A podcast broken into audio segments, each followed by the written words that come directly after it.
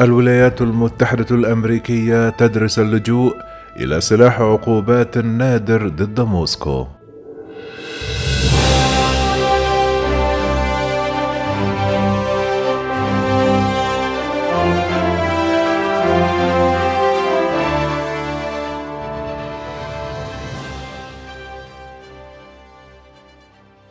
يدرس كبار المسؤولين في إدارة الرئيس الأمريكي جو بايدن تصعيد العقوبات على روسيا مع ارتفاع عدد القتلى المدنيين من جراء غزوها لأوكرانيا وفي ظل عدم وضوح تأثير العقوبات الحالية المفروضة على الاقتصاد الروسي.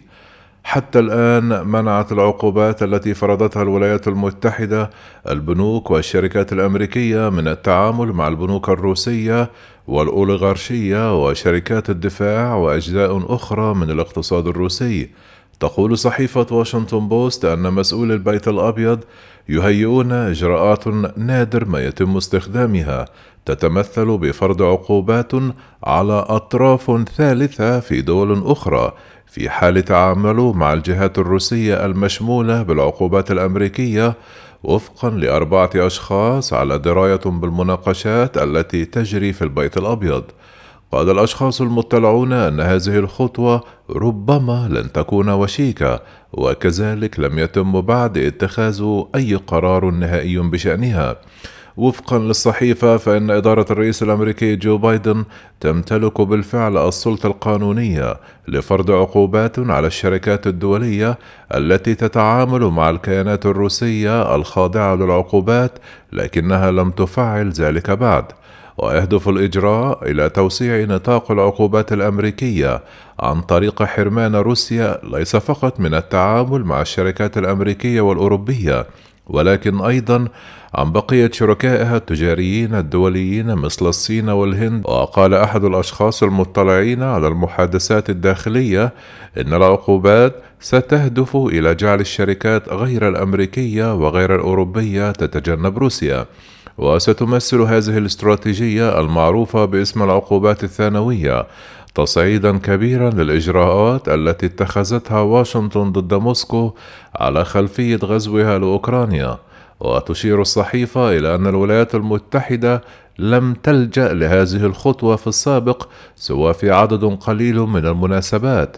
وفي حال المضي قدما بفرض العقوبات الثانوية فذلك يعني أن على الدول التي امتنعت عن فرض عقوبات خاصة بها على روسيا أن تختار بين الاستمرار في التعامل مع الكيانات الروسية الخاضعة للعقوبات أو مع الشركاء الحلفاء الغربيين وفقا للواشنطن بوست.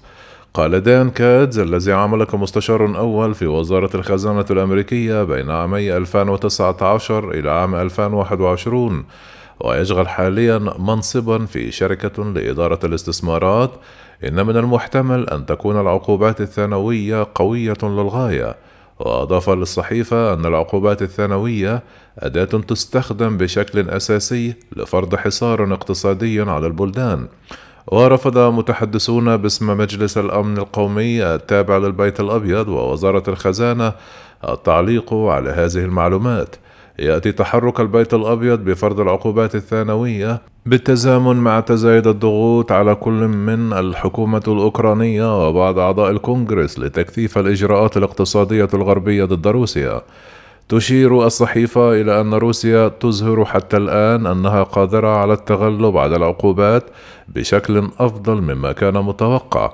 حيث لا تزال بإمكانها الاعتماد على صادرات النفط والغاز مستفيدة من ارتفاع الأسعار العالمية للطاقة.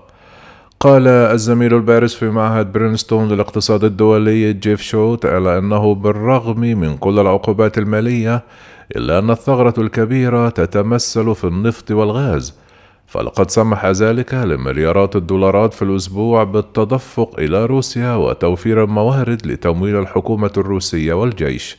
ومن شأن العقوبات الثانوية أن تلحق ضررا بالغا بالاقتصاد الروسي على الرغم من أنه لا يزال من غير الواضح كيف ستنجح عمليا وفقا للصحيفة.